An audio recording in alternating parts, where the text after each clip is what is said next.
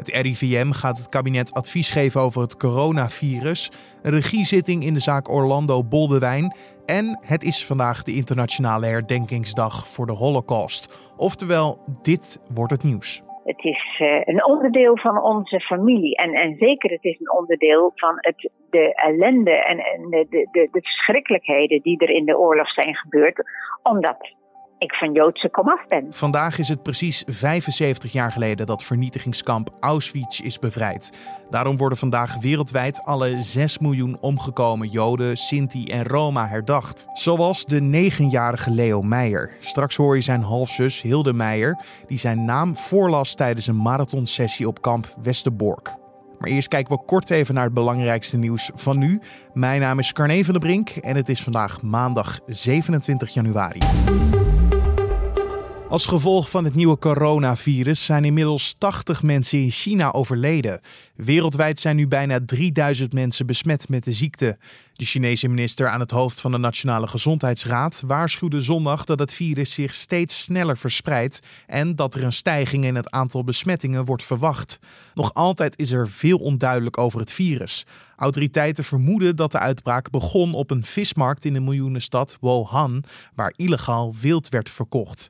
Inmiddels zijn er in 14 landen gevallen van besmettingen vastgesteld. In Nederland komt het Rijksinstituut voor Volksgezondheid en Milieu vandaag met een advies voor het kabinet. De Amerikaanse basketballegende Kobe Bryant is zondag op 41-jarige leeftijd omgekomen bij een helikoptercrash in Californië. Bij hetzelfde ongeval is ook zijn 13-jarige dochter Gianna om het leven gekomen. De oorzaak van de crash wordt nog onderzocht, maar verschillende media melden dat het zicht in het gebied van de crash beperkt was wegens mist. De andere inzittenden van die helikopter zijn ook allemaal overleden. Bryant geldt als een van de beste basketballers aller tijden. Hij speelde zijn hele carrière voor Los Angeles Lakers en werd vijf keer kampioen in de Noord-Amerikaanse basketbalcompetitie NBA. Kobe Bryant is 41 jaar geworden. Ex-veiligheidsadviseur John Bolton wist dat de Amerikaanse president Donald Trump 400 miljoen dollar aan militaire steun voor Oekraïne wilde bevriezen. Totdat Oekraïne wilde meewerken aan een strafrechtelijk onderzoek naar Trumps rivalen. Dat schrijft de New York Times op basis van ongepubliceerde documenten geschreven door Bolton zelf. Bolton werd in september ontslagen uit het Witte Huis. Hij was Trumps derde veiligheidsadviseur. En de president zei over het ontslag dat zijn regering het niet vaak eens was met suggesties van Bolton. De ex-veiligheidsadviseur zei al begin januari dat hij bereid zou zijn om te getuigen tegen Trump als de Senaat hem zou dagvaarden. De 44 gemeenten die Eneco bezitten willen dat de koper van het energiebedrijf, het Japanse Mitsubishi Corporation, in gesprek gaat met Nederlanders die tijdens de Tweede Wereldoorlog dwangarbeid voor Mitsubishi moesten verrichten. Dat schrijft Trouw vandaag. Tijdens de Tweede Wereldoorlog werden ruim 7000 Nederlandse krijgsgevangenen vanuit het tegenwoordige Indonesië naar Japan gebracht, waar zij moesten werken als dwangarbeider. Een deel van hen moest werken in de mijnen en scheepswerven die behoren tot bedrijven van Mitsubishi. Deze verhalen liggen nu bij het Japanse bedrijf met het verzoek dat ze contact gaan zoeken met de slachtoffers en hun vertegenwoordigers. En dan gaan we over naar het gesprek van deze podcast. Het is vandaag namelijk 75 jaar geleden dat vernietigingskamp Auschwitz werd bevrijd. Wereldwijd wordt vandaag de moord op 6 miljoen Joden herdacht. 102.000 daarvan kwamen uit Nederland. Samen met opgepakte Sinti en Roma zijn ze vanuit kamp Westerbork op de trein gezet om vernietigd te worden. Sinds afgelopen woensdag worden deze namen non-stop voorgelezen om te beseffen dat het allemaal individuele mensen waren. Een van die namen is Leo Meijer. Zijn halfzus Hilde Meijer las zaterdagmiddag zijn naam voor. 66 jaar. Leo Meijer, 48 jaar. Leo Meijer, 23 jaar. Leo Meijer, 9 jaar. De eerste zoon van mijn vader. Leo Maurits Meijer, 49 jaar. Leonard Meijer, 41 jaar. Leopold Meijer, 50 jaar. Leo was het enige kind van Herman Isaac Meijer en Charlotte Rozenboom. Het gezin woonde in Zwijndrecht waar Herman een apotheek had. In september 1942 werd het gezin opgepakt en kwam uiteindelijk terecht in kamp Westerbork. Twee jaar later werden ze op transport gezet. Eerst naar Theresienstad en vanuit daar door naar Auschwitz. De negenjarige Leo wordt hier op 6 oktober 1944 vermoord, op dezelfde dag als zijn moeder. Vader Herman overleefde de oorlog en keert terug naar Zwijndrecht. Hij trouwde opnieuw en kreeg in 1950 een dochter, Hilde Meijer. Mijn collega Jan van Houten heeft Hilde gesproken nadat ze zaterdag op kamp Westerbork ook 10 minuten lang namen voorlas. Onder wie dus die van Leo Meijer. Hij vroeg aan haar hoe de sfeer was. Ik denk een sfeer die er altijd wel is. Ehm, mensen zijn allemaal onder de indruk. Mensen zijn ehm, stil. Uh, vinden het ook prettig om te wandelen. Ik heb ook bewust gekozen vanmiddag om te wandelen daar om, om, het, om even leeg te komen. Dat had ik me van tevoren al bedacht, maar dat weet je. Altijd als ik daar kom, dan heb je zoiets van, uh, ja, je moet even ontladen naar, alle, naar alles wat je weer ziet. Uh, en ik denk dat iedereen een beetje in diezelfde sfeer zat. ja. Ja, we, hebben afgesproken dat ik uh, je tegen mag zeggen in plaats van, uh, van u. Dus daar ga ik maar even mee door. Er zijn dus 102.000 namen voorgedragen, voorgelezen. Ja. wat is voor jou de waarde van het voorlezen van al deze namen? De waarde is, ten eerste zei ik over vijf jaar doe ik weer mee. dat is al een, een, een, ja, dat ik voel van hoe belangrijk het is. De waarde is dat al deze mensen uh, herinnerd blijven. En toen wij aankwamen op het kampterrein, waar de namen in een tent werden voorgelezen, ze hadden buiten allemaal luidsprekers staan. Dus je hoorde over het hele grote veld als al die namen schalmen die werden voorgelezen. En dat was ook zo indrukwekkend.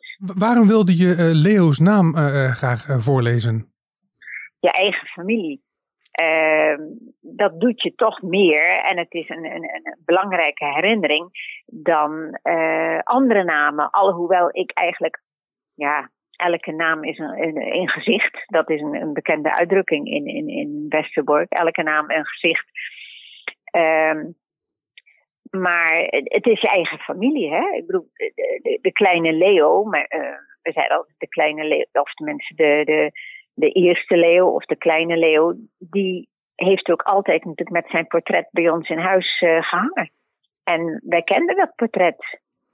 En uh, ik vind het ook heel logisch dat ik dan het verzoek heb aan Westerbork om liefst zijn naam uit te spreken in die tien minuten zitten natuurlijk niet alle meijers. Dus er zijn heel veel meijers die buiten die tien minuten vallen. En die worden dan door anderen voorgelezen. Vind ik ook prima. Ik zag nog, nog een tante van me langskomen. Die werd voorgelezen door een ander. Want mijn vader heeft ja, veel familie verloren. Zijn ouders, zijn zus, uh, zijn vrouw, zijn, zijn dochtertje. En dan zijn er natuurlijk nog meer mensen in de familie die wat verder weg uh, liggen. Ja. Zoals tantes en ooms. En, ja. Uh, je bent van na de oorlog en je hebt Leo dus nooit echt persoonlijk gekend. maar het, nee, is wel, het is wel je halfbroer. Maar hoe, hoe zou je de ja. band met hem kunnen omschrijven?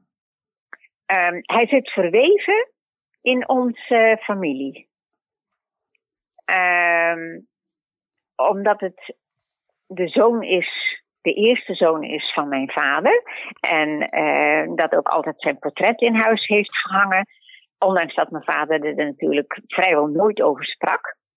En uh, ja, ik heb zijn portret ook staan. Altijd. In huis. Dus ik zie hem ook elke dag. Uh, kijk, ik, ik ben niet bang dat ik zal vergeten. Want dat is iets wat je natuurlijk niet vergeet. Maar zo heet het dan wel. Van je moet de, de, de, de mensen niet vergeten. Maar uh, ja, het is uh, een onderdeel van onze familie. En, en zeker, het is een onderdeel van het, de ellende en, en de, de, de, de verschrikkelijkheden die er in de oorlog zijn gebeurd. Omdat ik van Joodse komaf ben. Ja, en we weten heel veel over uh, Leo. Dat komt ook omdat je vader uh, tekeningen in briefjes en knutselwerken uh, van Leo uit de kamp Westerbork heeft weten te smokkelen.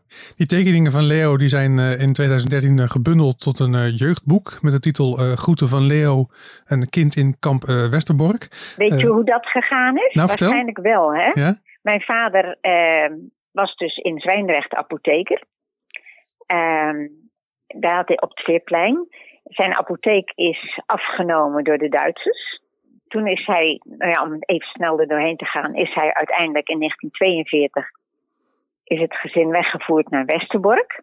En daar heeft hij uh, zich aangemeld als apotheker. En mocht hij in Westerbork een apotheek uh, mede opzetten.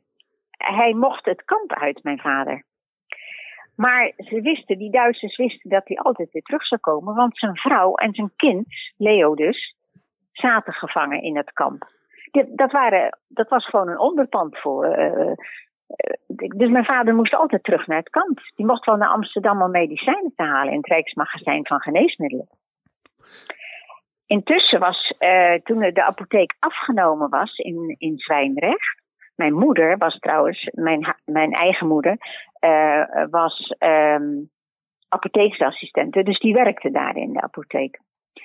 En zij zei: Ik geef een Duitser geen hand. Ze heeft op dat moment direct haar schort uitgedaan. En ze is direct de apotheek uitgelopen.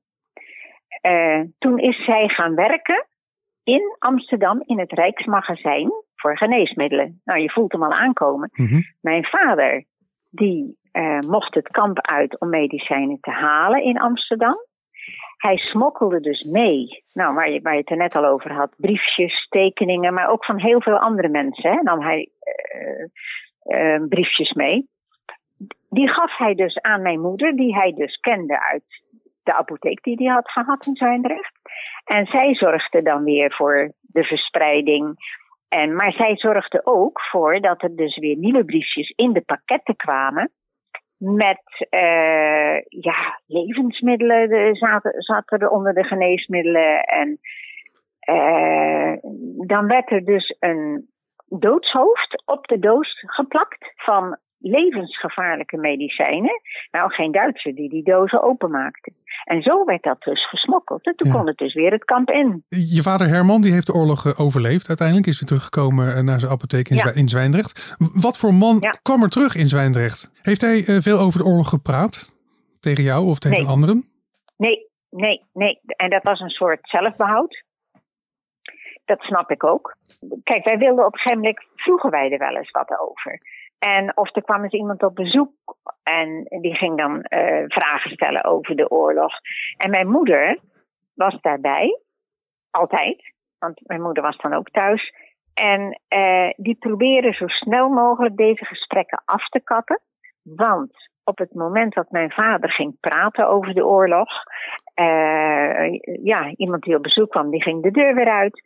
En zij zat met de gebakken peren in de vorm van mijn vader had dan meteen vreselijke last van die oorlog, geestelijk last. Uh, dagenlang nachtmerries. nachtmerries. En uh, zij wist dat, maar wij wisten dat niet. Of, of zeg maar, het bezoek wist dat niet. Dus uh, zij probeerde toch uit zelfbehoud of uit behoud voor haar man, mijn vader, om, dat, om zo min mogelijk over die oorlog te praten. Vandaag is het 75 jaar geleden dat Auschwitz eh, werd bevrijd. Uh, dit hele jaar zal in het teken staan van het einde van de Tweede Wereldoorlog. Ja. Um, hoe is het met ja. je geloof in de mensheid dat we uh, nooit meer zoiets gruwelijks zullen meemaken? ja, dat is, een, dat is een hele lastige vraag. Aan de ene kant zeggen we altijd: dit mag nooit meer gebeuren. Maar dit is natuurlijk wel zoiets uitzonderlijks om 6 miljoen mensen af te maken. Maar aan de andere kant zeg ik ook heel vaak: moet je eens kijken wat er op dit moment nog in de wereld gebeurt. En blijft gebeuren. In heel veel landen. Uh, dan niet op dermate grote schaal. Maar ook geselecteerd hè, op geloof of afkomst. Uh, nou, als je mij nog een keer die vraag stelt, dan zou ik zeggen: ik geloof niet erg meer in de goedheid van de mensen. Jorde Hilde Meijer in gesprek met mijn collega Jan van Houten. En het voorlezen van de namen op alfabetische volgorde duurt nog tot ongeveer half vier. En de livestream is te vinden op de website van Kamp Westerbork. En dan heb ik nog even een agendapunt voor je vandaag. Want een 29-jarige man uit Den Haag, die verdacht wordt van betrokkenheid bij de dood van Orlando Boldewijn, moet vandaag tijdens een regiezitting voor de rechter verschijnen. De 17-jarige Orlando uit Rotterdam kwam in februari 2018 om het leven na een ontmoeting via een dating-app. Na een week zoeken werd zijn lichaam gevonden in het water van een plas. De aangeklaagde wordt ervan verdacht Boldewijn in het water te zien hebben liggen, maar geen hulp te hebben geboden of alarm te hebben geslagen. En dan nog even het weer. Ochtends regent het op de meeste plaatsen in het land en het is ongeveer 6 graden. In het westen kan het even droog zijn, Maar door de loop van de dag gaat het op meer plekken regenen. En de temperatuur zal smiddags ongeveer 9 graden zijn. En dan nog even dit, want afgelopen nacht werden in Amerika de Grammys uitgereikt. Deze prijzen worden algemeen beschouwd als een van de belangrijkste muziekprijzen ter wereld. Over het algemeen was er telkens één winnaar bij de grote categorieën. So you're a tough guy, like you really rough guy. Just can't get enough guy, just always so puff guy. I'm that bad type, make your mama sad type, make your girlfriend mad type, might seduce your dad type. I'm the bad guy. Duh. Je hoorde de 18-jarige artiest Billie Eilish. Zij heeft vijf prijzen in ontvangst mogen nemen tijdens de 62e uitreiking van de Grammy Awards. En de zangeres ontving onder meer de prijzen voor muziekopname van het jaar voor haar nummer Bad Guy, album van het jaar voor When We All Fall Asleep, Where Do We Go en beste nieuwe artiest. Deze behoren tot de belangrijkste Grammy-prijzen die een artiest kan winnen. Verder was er ook nog Nederlands succes, want het Metropoolorkest heeft een Grammy Award gewonnen voor het nummer All Night Long van het album Jazz Volume 1. Dat was een samenwerking met de Britse zanger Jacob Collier en a cappella groep Take Six. Zij wonnen de prijs in de categorie Beste Arrangement.